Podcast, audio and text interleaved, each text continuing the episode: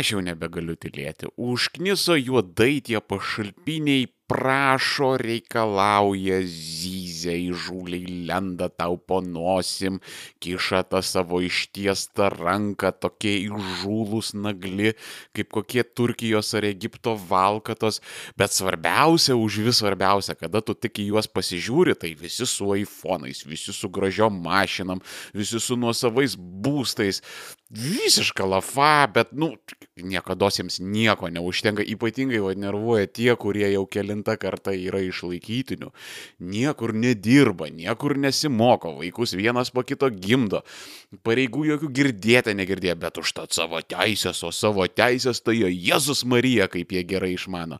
O svarbiausia, kad kasmet Lietuvos valstybė jiems atiduoda galbūt net iki kokių 5 milijardų, gal ir daugiau.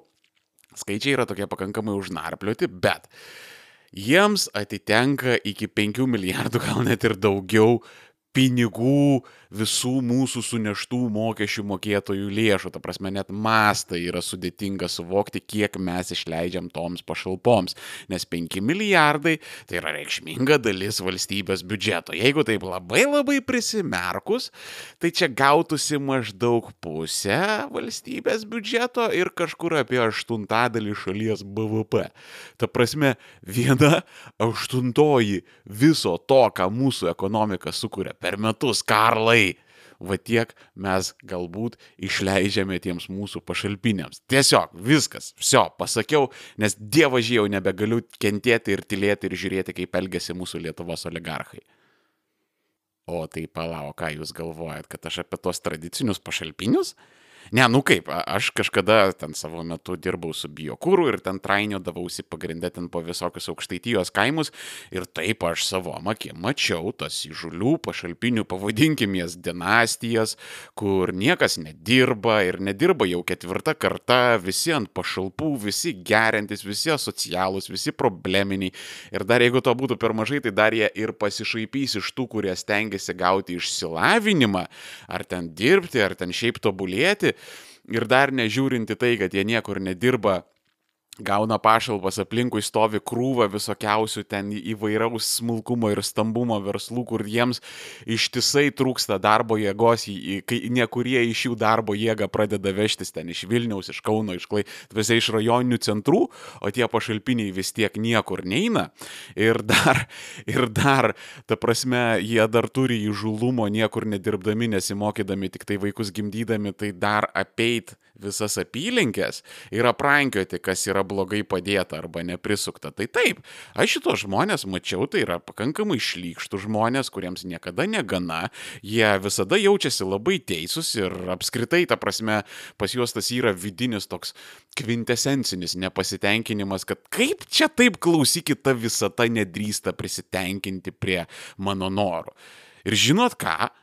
ta kaimo degradų asocialių ir daugiavaikių pašalpinių klasė yra lašas jūroje. Ta prasme, jau gal dešimti metai iš eilės asocialių arba dabar jau priimta e, labai tolerastiškai ir politkorektiškai vadinti socialinės rizikos e, šeimų mažėja, e, plus minus, okei, okay, jų ten yra kažkur taip apie 10 tūkstančių ir visi atvejai yra unikalūs ir tikrai tarptų 10 tūkstančių ne visi yra ten tie įžūlus prasigėrę, ten amžinai reikalaujantis, vagiantis ir taip toliau. Bet tarkim, nu tarkim, pažaiskim minčių žaidimą. Va, yra 10 tūkstančių tų tokių asocialių šeimų, tų pačių baisiausių pašalpinių, kuriuos va, mes taip stereotipiškai įsivaizduojam. Ir tarkime, mes jiems į met... ne į metus, o va, tarkim, ir tarkime, mes jiems per mėnesį išmokėtume 2000 eurų pašalpas. Ne, vat, kiekvienai šeimai po 2000 eurų į rankas. Ir čia į metus kas pas mus gaunasi 240 milijonų eurų. Ne, nu kaip, paprastam žmogui tai yra, atrodo fantastiškai dideli pinigai, bet tai čia iš principo toks, žinai, vidutinis Lietuvos geležinkelio arba Lietuvos pašto toks plėtros projektėlis. Net ne pats didžiausias, žinai, toks vidutiniškas gana. Ir e, Lietuvos biudžetas yra kažkas ten apie 12 milijardų eurų. Taip, aš suprantu, ten niuansai, ten ne visą sodrą ten papuola, žodžiu, bet, nu, taip grubiai išnekant, ne, tipo, imkim, 12 milijardų eurų, ne. Tai 240 milijonų čia būtų viena penkisdešimtoji dalis, ne? Taip, kad būtų visiems aišku, jeigu vidutinė alga į rankas Lietuvoje šiuo metu yra kažkas apie 850 eurų, tai viena penkisdešimtoji to dalis būtų 17 eurų. Ta prasme, tikrai 17 eurų jūsų šeimos biudžeto greičiausiai nesulaužytų. Ir čia reikėtų konstatuoti, kad stopudnekas mes 2000 eurų tiems pašalpinėms tikrai nemokam. Atvirai pasakius, nėra tokios statistikos, kiek Lietuvai kainuoja, kainuoja socialiukai, bet aš taip įtarčiau, kad pakankamai nedaug, nes e, jeigu iš lietuviškų pašalpų dar su specialiom pabėgėliams pritaikytom lengvatom, jeigu iš tų pašalpų ir tų specialių lengvatų, kurių negauna mūsų socialiukai, nepragyvena sirų pabėgėliai ir jie nuolatos tiesiog tepas lydes į tas vakarų Europos valstybės, tai patikėkit, aš manau, ta prasme, vėlgi neturiu konkrečių skaičių, bet aš tikrai esu įsitikinęs, kad asocialiukams mes tikrai per daug tų pinigėlių netaškom ir ten 240 milijonų eurų, man atrodo, būtų čia visiškai paskutinė aukštutinė maksimumų maksimumas riba ir man atrodo, ten reikėtų kaip reikalas tų nulių pabraukyti 2, 3 ar 4, kad pamatytume tiek, kiek išleidžiame tiems nagliausiams ir įžuliausiams pašalpiniams, ne? Bet dabar, uh, Palyginimui yra visai kita glamūrinių išlaikytinių klasė, o konkrečiai tai yra ant viešų pirkimų ir įvairiausių mokestinių lengvatų ir europinės paramos, arba kaip aš ją mėgstu vadinti, europinės pašalpos, užsėdęs stambusis verslas. Taip, ne visas, ne visur ir ne visada, bet, nu, ta prasme, okei, okay, mes galim koncentruotis į tuos dvimetrinius kiniečius, bet jeigu aš pasakyčiau, kad in general, tipinis vidutinis kinas yra in general žemesnio ūgio negu tipinis vidutinis europietis, tai galbūt aš per daug nenusišnekėčiau šitoje vietoje, ne? Tai todėl šnekėkim taip primityviai, stereotipiškai ir in general, nes mes turbūt neturim čia šešių ir devynių ar ten kiek tai valandų, kad ten viską aiškinti su visais niuansėliais. Tai va, Mes turim tokią glamūrinių išlaikytinių klasę ir jo, ta prasme, dauguma mūsų oligarchų, dauguma mūsų stambiųjų verslininkų, ne visi, ne absoliuti dauguma, bet sakysim tokia pakankamai reikšminga dauguma, uh, Jie yra absoliutus valstybės išlaikytiniai. Aš per savo gyvenimą esu matęs daugybę, daugybę stambių verslų ir čia profilis jis, jis labai skiriasi. Ta prasme, ten buvo ir IT kompanijos, ir visokiausiai prekybininkai, ir ten valytojai, ir apsauginiai, ir ko tik tai nori. Ta prasme, ten visokie automobilių salonai, ten servisų tinklai ir taip toliau. Jos nemažiau nei 3 ketvirčių savo pajamų susirenka iš viešųjų pirkimų. Ir, nu, va, tarkim, va, tas pats garsiausias turbūt ir naujausias pavyzdys tai yra MG Baltikas, ne? Daugybę kartų kalbėta Armėno radijoje apie MG Baltiką. Pirmas Armėno radijo epizodas apie MG Baltiką buvo. Jeigu nebūtų MG Baltiko skandalo, turbūt gal ir net nebūtų buvę Armėno radijo beje. Tai va, e, dabar tas MG Baltikas persivadino į ten kažkokią tai darnų grupą, bet aš manau, kad reikia tiesiog naudoti jų senąjį ir tikrąjį pavadinimą ir tauta turėtų žinoti savo herojus. Na nu, tai va, MG Baltikas užskrenda ant korupcijos skandalo. Ir jau ne kartą apie, apie tai yra šnekėta, Armėno radijų ir ten žiniasklaidų ir kur tik norite, kad, nu, Greičiausiai eilinis įkiai įvyks teisingumo farsas ir niekas šitoje byloje nesės ir daugiau mažiau visi išlips sausi iš balos, e, bet Nežiūrinti tai, nežiūrinti tą visą teisingumo farsą, žinantys žmonės man aiškina, kad MG Baltikas vis dėlto finansiškai pakraujavo. Ir kol dar šitas skandalas yra gyvas, e, šita kompanija yra paprasčiausiai toksiška ir neatsiranda savižudžių valdininkų, kurie norėtų e, pasirašyti po kokiu nors viešų pirkimų, kurį laimėtų kokia nors Motskaus įmonė, nes, nu, baisus yra zaškvaras, niekas nenori to užsiimti. Ir vadinasi, valdiški pinigai buvo svarbi jų pajamų dalis. Ta prasme, aš nesimsiu sakyti, kad MG Baltikas būtinai darėsi ten tos 3 ketvirčius uh, pajamų iš tų viešų pirkimų ir valdiškų lėšų, bet akivaizdžiai tai buvo pakankamai juntama dalis, nes, nu, vėlgi, ta, tas koncernas jisai dar nebankrutuoja, ten nieko baisaus, bet, nu, nu, vėlgi, žmonės plėtkina, kad nėra faina. Ir šitoj vietoje jums gali atrodyti, kad aš pats savo prieštarauju, kad maždaug armėnai, tai ką tu čia šneki, va, taigi pasižiūrėk, tai, nu, pats sakai, kad MG Baltikas nukraujavo finansiškai, tai, nu, va, teisingumas triumfavo, viskas gerai. Viena detalė. Priminsiu, buvo toksai Rubikonas, ne? E, dabar jisai vadinasi Įkoras, kažkada ten buvo Axis, po šito brandų jie ten bandė ten pasivaikščioti. Ir e, šita kontora yra turėjusi kaip minimum tris labai rimtus, labai skambius, labai garsius korupcijos skandalus. Kaip minimum tris, aš neskaičiuoju tų įvairiausių smulkesnių. Ir ką, ir, ir nieko. Ta prasme, kurį laiką taip jie pabuvo ten per kiekvieną iš tų didesnių skandalų, pabuvo tais raupsuotaisiais. E, kaip ir MG Baltikas pasikeitė pavadinimą, pasikeitė logotipus, viskas pasimiršo ir jie toliau sėkmingai dalyvauja viešuose pirkimuose. Tiesiog, nu, ten tie atsakingi asmenys, kurie užskrido, jiems teko išeiti. Atsirado kiti asmenys ir viskas. Ir va dar vienas pavyzdys, va prisiminkit valstybininkų skandalą. Čia jaunimui tas turbūt nelabai ką sako, bet daugiau mažiau esmė to viso reikalo. Uh, Uh, maždaug gal prieš 11-12 metų.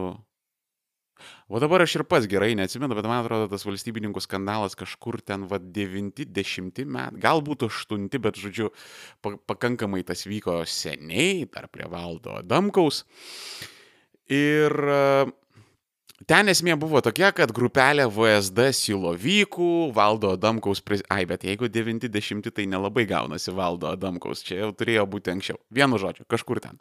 Uh, tai va, grupelė VSD silovykų, to paties valdelio Adamkaus prezidentūros kanceliarijos funkcionierių ir ten uh, grupė užsienio reikalų ministerijos biurokratų tikrąją to žodžio prasme ketinosi užvaldyti Lietuvos valstybę. Prasme, ten mintis buvo maždaug tokia, kad tegul tos valdžios keičiasi, tegul tie seimai keičiasi, bet, e, nu, tas deep state, apie kurį ten šneka Altraitas ir ten visi Trumpai ir ten panašus dešinieji populistai, Dabar mes sukursim tą deep state, kuris bus įsitvirtinęs, nepajudinamas, gyvent savo gyvenimą ir ten ta valdžių kaita esmės kaip ir nekeis, nes, nu, dirbs profesionalai ir mes sureguliuosim, kad Lietuvoje būtų viskas gerai. Tai va, tame skandale ypatingai atsižymėjo toksai Albinas Januška.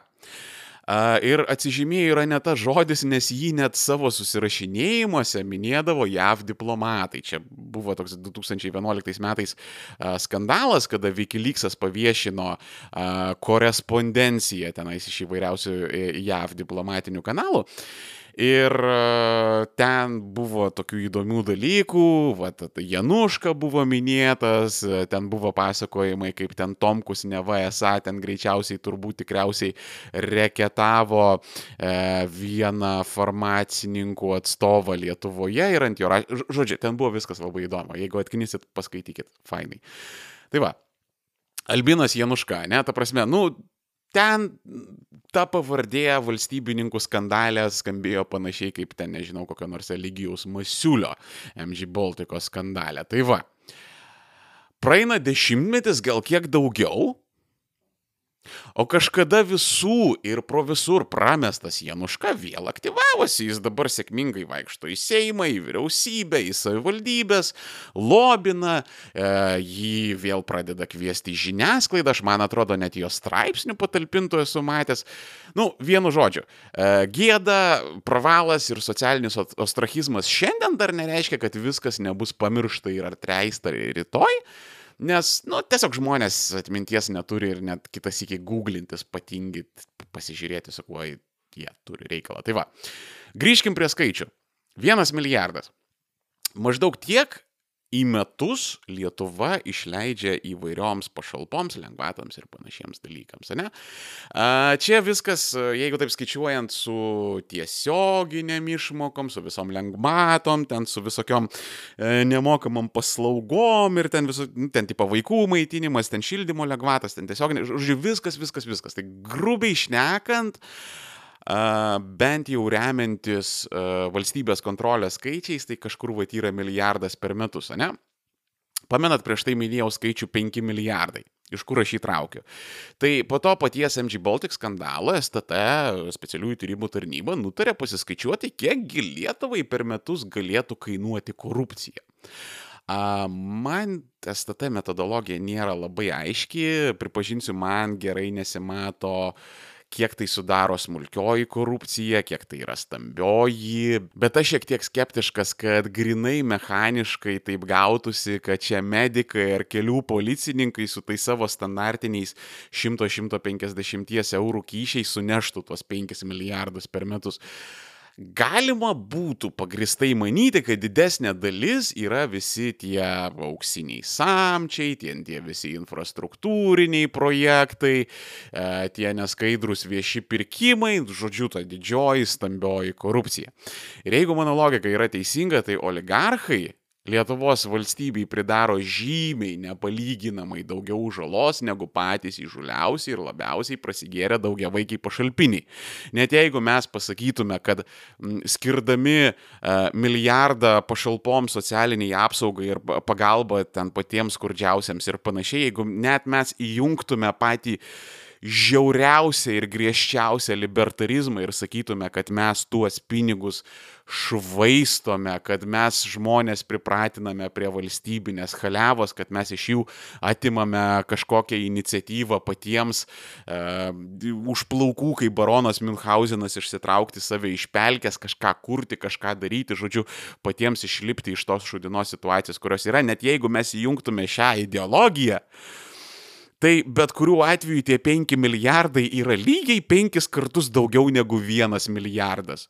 Ir dar sėki, jeigu mano iš ankstiniai nusistatymai ir mano minčių seka yra teisinga, tai tie pašalpiniai oligarchai žalos pridaro nepalyginamai, nepalyginamai daugiau negu patys šlikščiausi, baisiausi prasigėrę kaimo pašalpiniai, kurie galėtų maksimumą, maksimumą kainuoti 240 e, milijonų dolerių. Tai yra viena ketvirtoji milijardą eurų. Čia Vėlgi, šitais skaičiais yra labai sudėtinga operuoti, nes uh, jeigu jūs esat kada nors nuėję į Lietuvos statistikos... Tai prasė, apskritai, realiai yra tik tai uh, vienintelė, man atrodo, Lietuvoje valstybės kontrolė, tai yra įstaiga, kuri normaliai sugeba pateikti skaičius, kad, uh, nu, nes kitas iki į tą patį statistikos departamentą nueini ten tiesiog norisi nusišauti arba smurtauti prie žmonės ir tada nusišauti.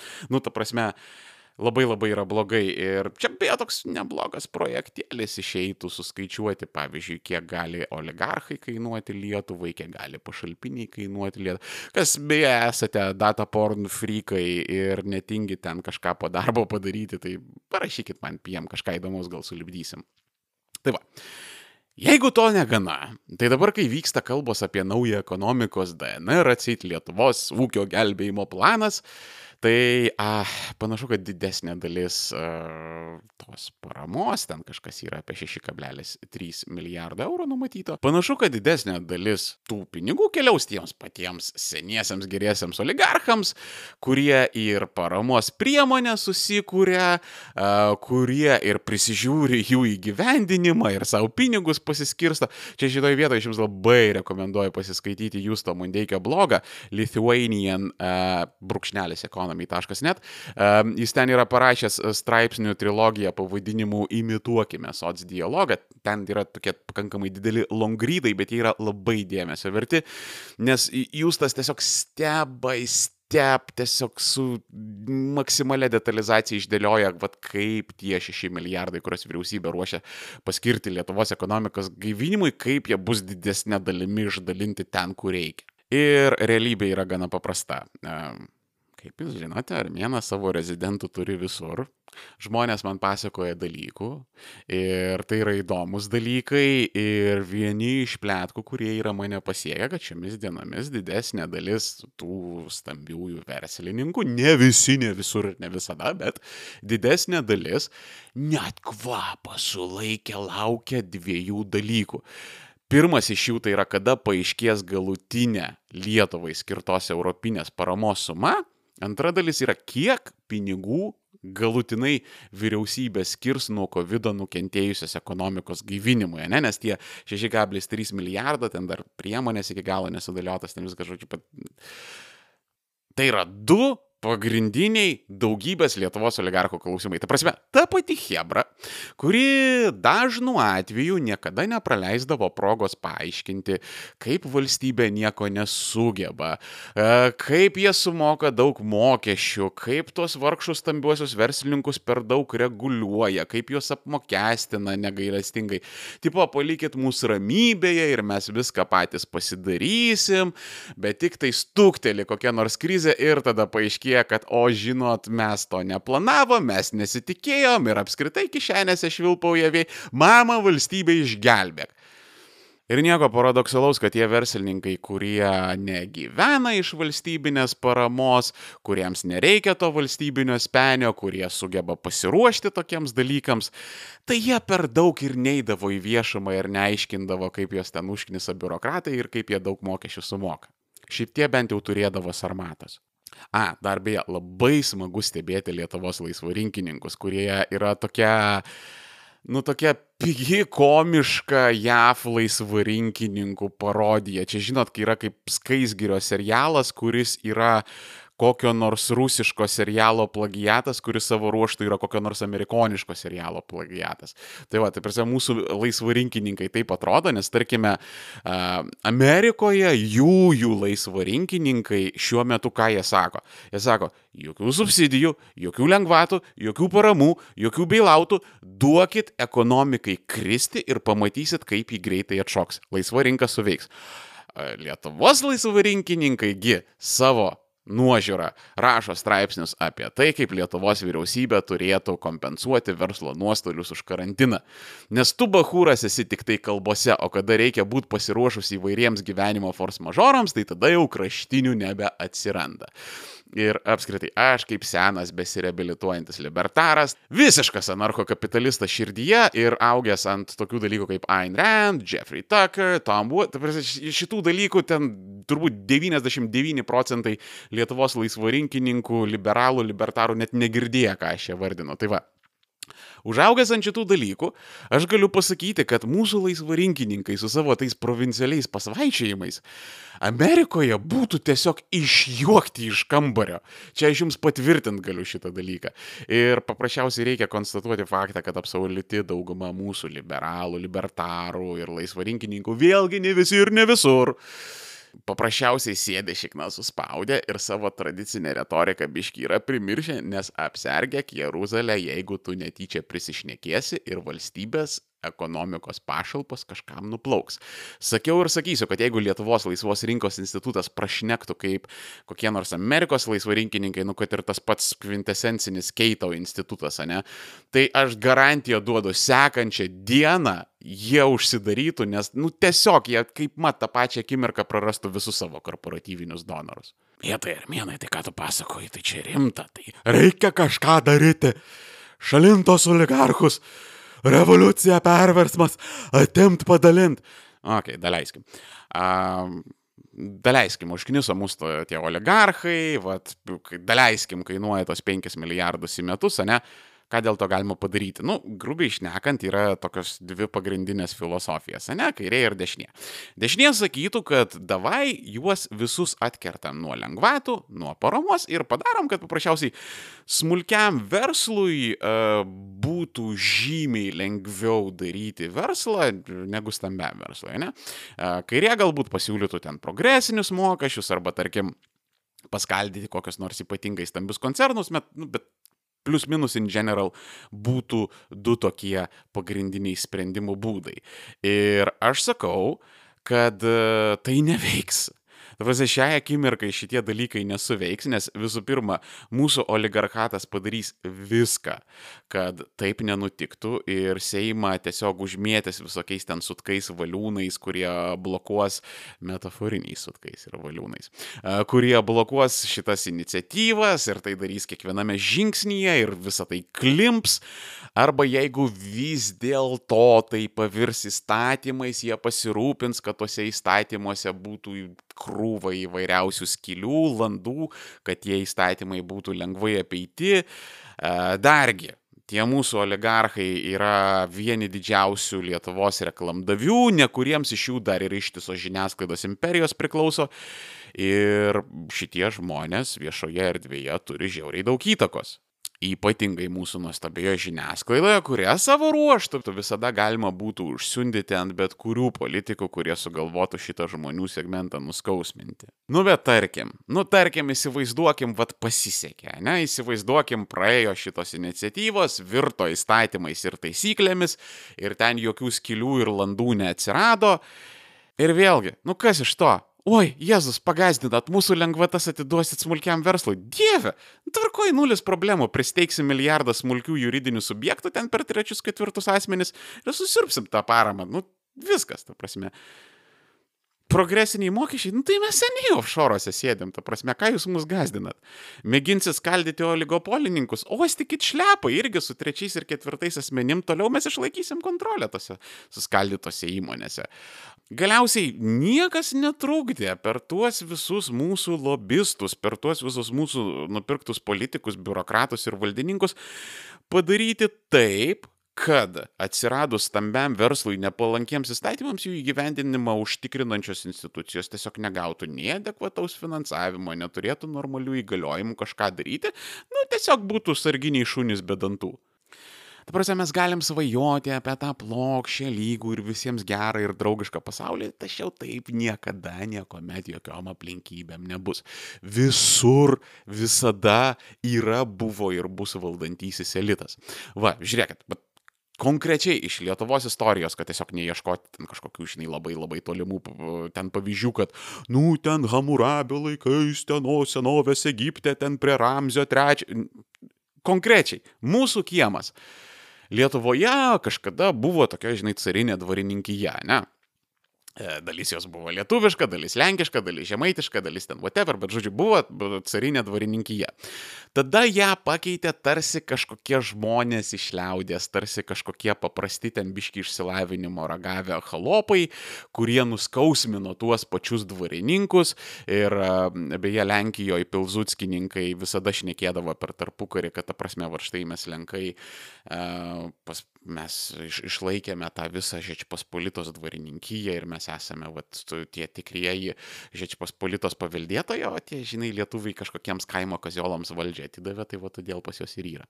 Tai va, atsirado kažkoks Lietuvoje naujas tas elitas, jie pasijėmė tuos, tą senąją Lietuvos dvarininkyje, ją nuskausmino, išparceliavo jų dvarus ir tada staiga susiformuoja naujas elitas, kuris pradėjo elgtis lygiai taip pat kaip ir tie senieji dvarininkai.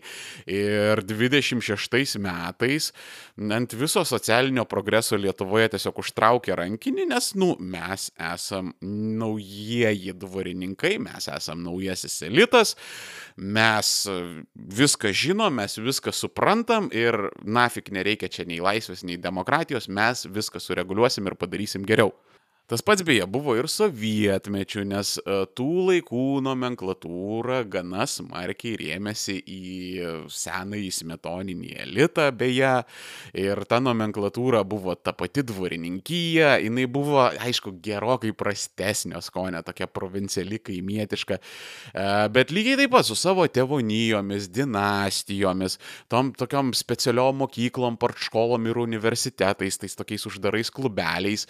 Um, kuriuose turėjo būti va, tas ruošiamas naujasis e, sovietinis elitas, ne, lygiai taip pat kaip ir dvarininkyje turėjo savo mokyklas, universitetus, internatus ir savo, sakysim, infrastruktūrą, kur žmogus um, į, to valdančiojo elito idėja yra gana paprasta, kad vat, yra žmonės, kurie prilaiko galios, įtakos ir resursų ir vat, uh, jie gali sauliaisti gyventi dinastijomis ir uh, žmogų tiesiog nulopšio paruošti ten per gerą išsilavinimą, per universitetus visą kitą, mm, kad gali tiesiog nulopšio paruošti tiek valstybės tarnybai, ten tiek aukštiems politiniams postams, tiek ir verslui.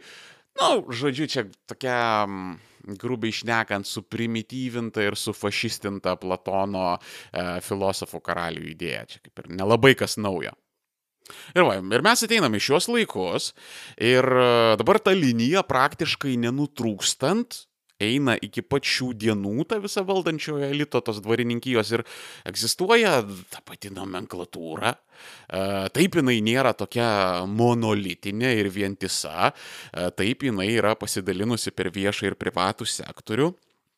Taip, ta nomenklatūra nėra tokia ideologiškai angažuota kaip sovietinė, bet vis dėlto, vis dėlto aparačikas yra aparačikas ir, nu, tų nomenklatūrinių polinkių pauksiniais rankogaliais nepaslėpsi.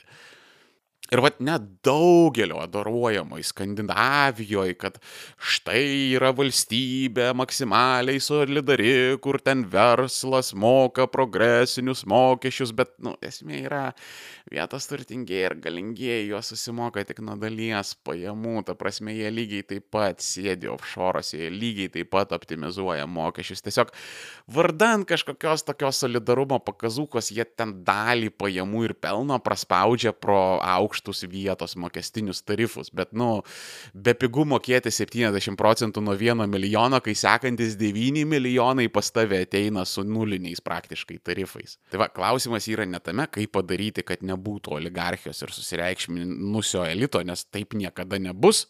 Klausimas yra tame, kaip tą elitą priversti elgtis padoriai, ar bent jau tą padorų elgesį imituoti, nes tai, ką daro daugelis mūsų oligarchų, tai nėra padorus elgesys. Tai armėnai. Tada kame klausimas? Gal čia tiesiog valdžia nieko nesužiūri, gal net eilinis iki vėl netos išrinkom? Nes nugi ten Seime, kaip visada, standartiškai visi vagys ir aferistai, nu kaip kitaip galėjo būti? Ne viskas taip paprasta. Jeigu jūs galvojate, kad tas įtariamas kyšis, e, kurį esą galimai menamai tikėtina turbūt tikriausiai paėmė Eligijus Masiulis, tas šimtas tūkstančių, ne?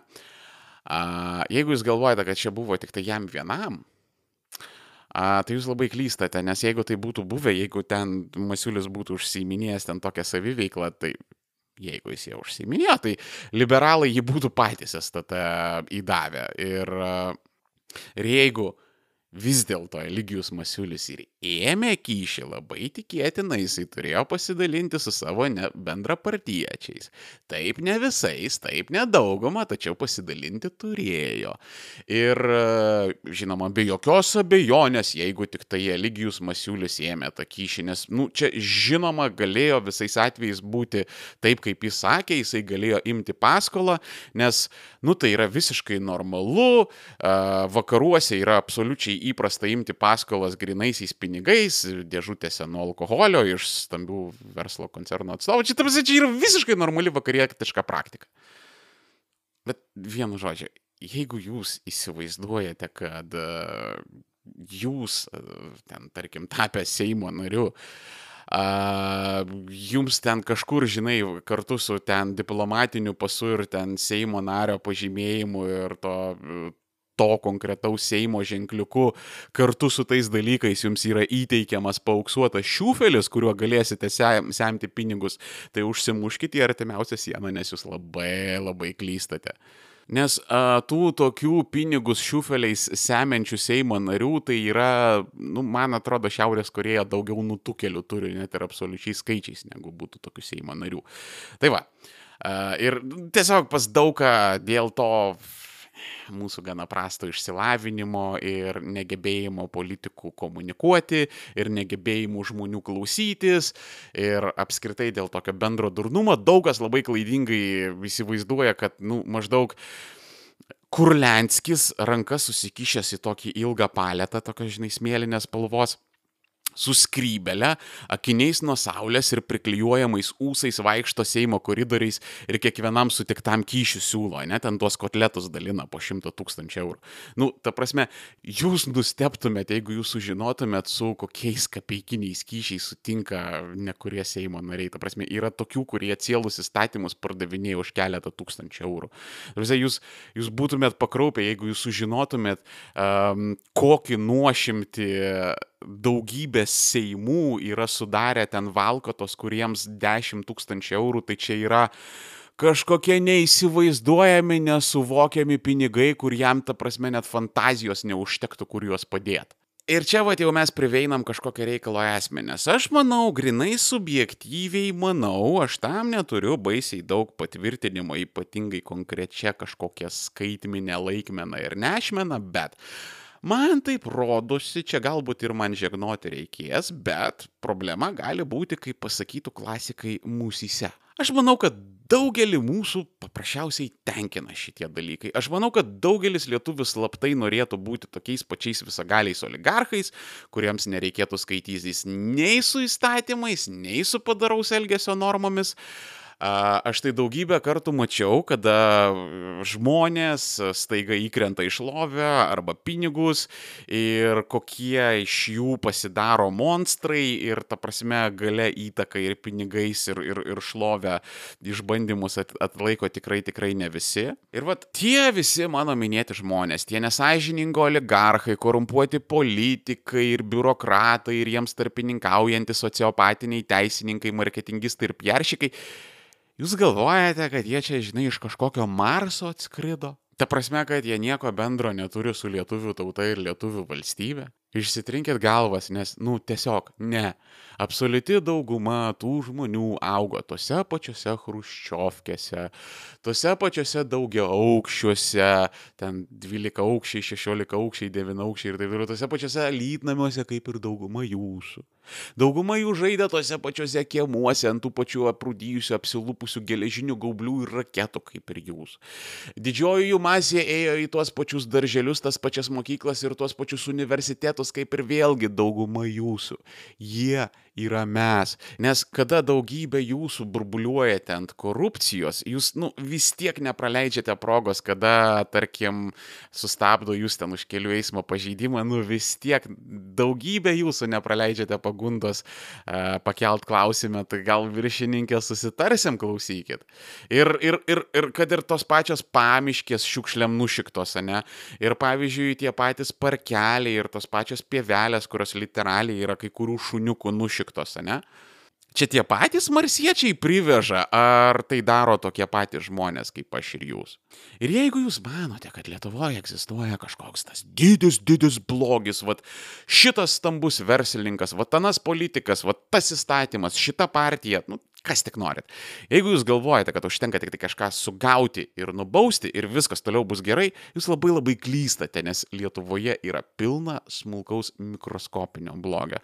Kažkas davė nedidelį kyšį, kažkas truputį tvorą ant valstybės žemės pasistatė, kažkas ne visus mokesčius apskaičiavo, kažkas senų padangų komplektą į pamiškę nuvežė, gal kažkas net ir kaip ir blogai nesielgia savo gyvenime, tačiau pastoviai mato, kaip tai daro jo artimieji tas artimųjų ratas, ten giminės draugai ir panašiai, bet nekelia jokių klausimų ir dėl to nieko nepasako. Visa tai akumuliuojasi ir klyjuojasi į tokį didelį, baisų, groteskišką sniego kamolį. Tai vad paimkime, kad ir tos pačius verslininkus. Dabar visus. Nežiūrim ten, stambus, smulkus, visus. Smulkus verslas dažnai sako, kad jie negali konkuruoti su stambiu verslu. Tame yra tiesos. Dėdės Česlovo statybininkų brigadėlė nacionalinio stadiono niekada nepastatys. Bet tam žmonės yra išradę bendradarbiavimą. Ir toli ieškoti nereikia, nes, nu, žiūrėkit, va už kelių šimtų kilometrų mes turim Lenkiją. Lenkijoje yra ten, ten tiesiog knipžda visokiausių asociacijų, klasterių, sąjungų, organizacijų, dar kažko.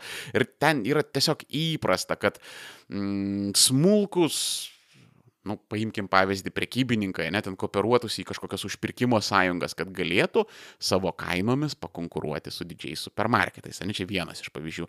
Ten yra smulkaus ir vidutinio verslo organizacijų, kurios e, teikia bendrus komercinius pasiūlymus ir jie šluosto nuosis daugybei stambių verslų, nes, nu, vėlgi, jie tarpusavyje bendradarbiauja, jie dalinasi kaštais, jie daro bendrus išpirkimus ir jie gali ramiai konkuruoti su didžiaisiais koncernais. Ir vat paradoksas yra tame, kad aš jau nesikė esu kalbėjęs, kad Lietuvoje statybose būna dažnai taip, kad ten paima koksai nors oligarchas uh, stambų objektą, nu ten tarkim kokio nors ministerijos pastato statybą, ne, uh, tą nu, objektą jisai atiduoda uh, kokiems nors subrangovams, e, tie subrangovai išdalina per daugybę dar smulkesnių subrangovų ir finale vis tiek darbą atlieka tos dėdės Česlovo smulkios brigadėlės, ten didžiąją darbo dalį. Tai paprasčiausiai daugybė smulkių lenkų verslininkų primetė, kad pala, pagal subrangą mes objektą tai vis tiek dirbsim, Tai gal tada mes išpjaukim visus tarpininkus, eikime tiesiai susikooperavę ir pasiimkime pelną patys. Aišku, ten ne viskas yra rojus, ne viskas Lenkijoje veikia taip nuostabiai. Nu, čia kaip ir visur ir pas visus. Nu, nėra taip, kad čia vieninteliai lietuviai yra vien, vieni duhai, o aplink visi čia protingi, žinai, vaikšto. Bet toje pačioje Lenkijoje bent jau ten kažkas bandoma daryti ir kažkaip perlaužti tą negatyvų trendą, kai stambus verslas tiesiog uždominuoja ekonomiką ir po truputėlį išsmaugia smulkų į verslą. Vat pavyzdžiui, kaip tokie dalykai seniai dešimtmečiais vykstantis Rusijoje. Ne? Ir va čia vat vakaro vienis. Jeigu pastebėsite, kad pagrindinio daugelio lietuvių poza Tai yra prie menkiausių sunkumų kristi ant žemės ir kaip per futbolą rėkti ir klykti ir žaisti ten belenkokius gyvybei pavojingus sužalojimus. Ir verkia literaliai visi ir politikai, ir stambus verslininkai, ir smulkus verslininkai, ir vidutiniai, ir pašalpiniai, ir kas tik nori. Ir visi mus kreudžia ir nėra gyvenimo, ir mes tik žiauraus gyvenimo ir aplinkybių vietamos ir mėtamos aukos, šniurkšt, buhuhu. Gerai. Jeigu jūs esate tokios aukos, kodėl jūs tengiatės kažką daryti apskritai? Ta prasme, jeigu jūs šitam procese niekaip jokiais būdais nedalyvaujate, tai atsipalaiduokit atsipalaiduokit ir pasiduokit žiauriam ir negailestingam likimui, jeigu taip iš tiesų yra ir niekas nuo jūsų nepriklauso. Tarsi, aišku, aš čia šaržuoju. Tikrų aukų mano nuomonė gyvenime yra labai mažai ir tai jos pagrindė gyvena tik tai Šiaurės Koreja. Daugiausiai Šiaurės Koreja, gal ne tik tai. Tai va, ir e, vakaruose, liberaliuose demokratijose, kokia ir yra Lietuva, patinka jums tai ar ne, jeigu tu priemi sprendimą, nesvarbu, aktyvų, pasyvų sprendimą veikti ar sprendimą neveikti, ar tiesiog nepriemi jokio sprendimo, tu už savo veiksmus kažkokia dalimi esi atsakingas. Ir čia yra tik tai tavo asmeninis samoningumo ir sąžinės klausimas, kiek tiksliai ir už ką tu turi nešti atsakomybę už savo gyvenimą bet dienos pabaigoje nemokamų pietų nebūna. Jeigu tu nieko nedarysi, bet tuo pat metu lauksi, kad ateis kažkas ir išspręs tavo visas gyvenimo problemas, tiesiog taip, va iš geros valios, dėl to, kad tu esi toks geras bahūras ar bahūrė. Ir visa tai yra be jokių tavo asmeninių pastangų, tai tu esi durnius, durnius, kuris nusipelnė visko, kas su juo atsitiks šitam gyvenime. Reikia konstatuoti, kad e, prie visų problemų tam mūsų oligarchate vis dėlto jie atkelia savo šiknas ir kažką padaro dėl savo gerbuvio. Tai kokį lobistą pasamdo, tai ten žiniasklaidoje paskvilių užsako, ar tiesiog nusipirka kokią nors politiką, ar patys partiją įsisteigia. Bet kažkokį minimalų veiksmą jie padaro. Ir kada į viešumą išeina kokia nors kazieninė, kuri paviešina baisę korupciją Lietuvos kalėjimuose, Jums niekas netrukdo primesti jai į sąskaitą belenkiek pinigų, kad ji galėtų bilinėtis ir išgyventi, nes patikėkit, ranką pakelti išdrysusiems pranešėjams tikrai gyvenime nebūna saldu, dažnu atveju jie ten ilgus, ilgus metus negali nei darbo susirasti, nu, žodžiu, problemas. Ir lygiai taip pat, kaip smulkiai verslininkai, jūs visada galite mokytis tarpusavyje tartis, kooperuotis, ieškoti patikimų partnerių, uh, išmokti atrinkinėti, vad kuris yra duhas ir melagis ir geriau su juo į žvalgybą neiti. Ir tiesiog brutaliuoju būdu jūs galėsite viešuose pirkimuose suspardyti apkiautusius ir aptingusius oligarchus, nes jie tikrai nėra tokie galingi, kaip jūs įsivaizduojate. Turtingi taip, įtakingi taip, galingi nebūtinai. Ta prasme, tų pavyzdžių yra daug, tiesiog mano galva žingsnis numeris vienas yra, nu, nustokit būti aukomis, nelaukit gelbėtojų ir patys įdėkit nors minimumą pastangų pasigerinti savo gyvenimą. Na, nu, atsimenat, kalbėjau apie tuos mažus blogius, ne? Maži gėriai lygiai taip pat gali kauptis ir plisti kaip virusas per visą pasaulį.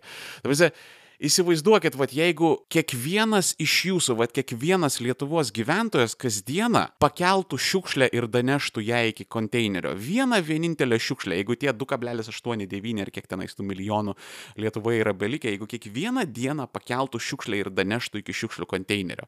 Nesvarbu, kad tai yra ne jų šiukšlė, nesvarbu, kad čia vat kiti šiukšlina, jie yra išgamos, bet jeigu vat kiekvienas tai padarytų. Įsivaizduojate, kokioje mes švarioje valstybėje gyventume. O tai yra visiškas šūdnekis, kasdieną pakelti po vieną šiukšlę. Tai vad, maži gėriai lygiai taip pat gali kauptis ir plisti kaip tiesiog toks geras pozityvo virusas per visą pasaulį. Ir šitoje vietoje visada svarbiausia yra nebijoti ir tai daryti nuolatos, užsispyrus, fanatiškai ir jūs pamatysite, kaip per ilgą laiką viskas susitvarkys. Armėno garantija. Ir davai šitoje vietoje padarykim stop.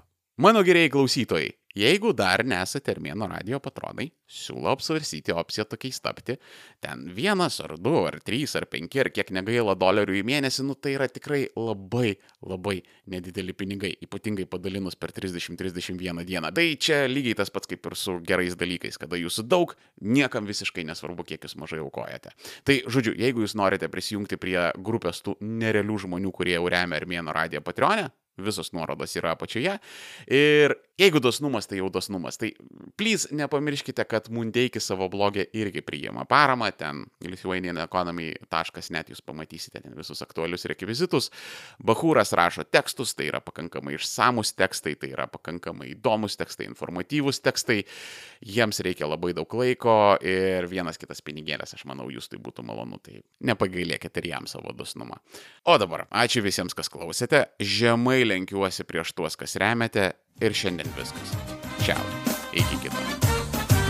Shabadabadashta, shabadabadashta, shabadabadashta, shabadabadashta, shabadabadashta, shabadabadashta, shabadabadashta, shabadabadashta. Zirrakcik, ich heiß Lalis,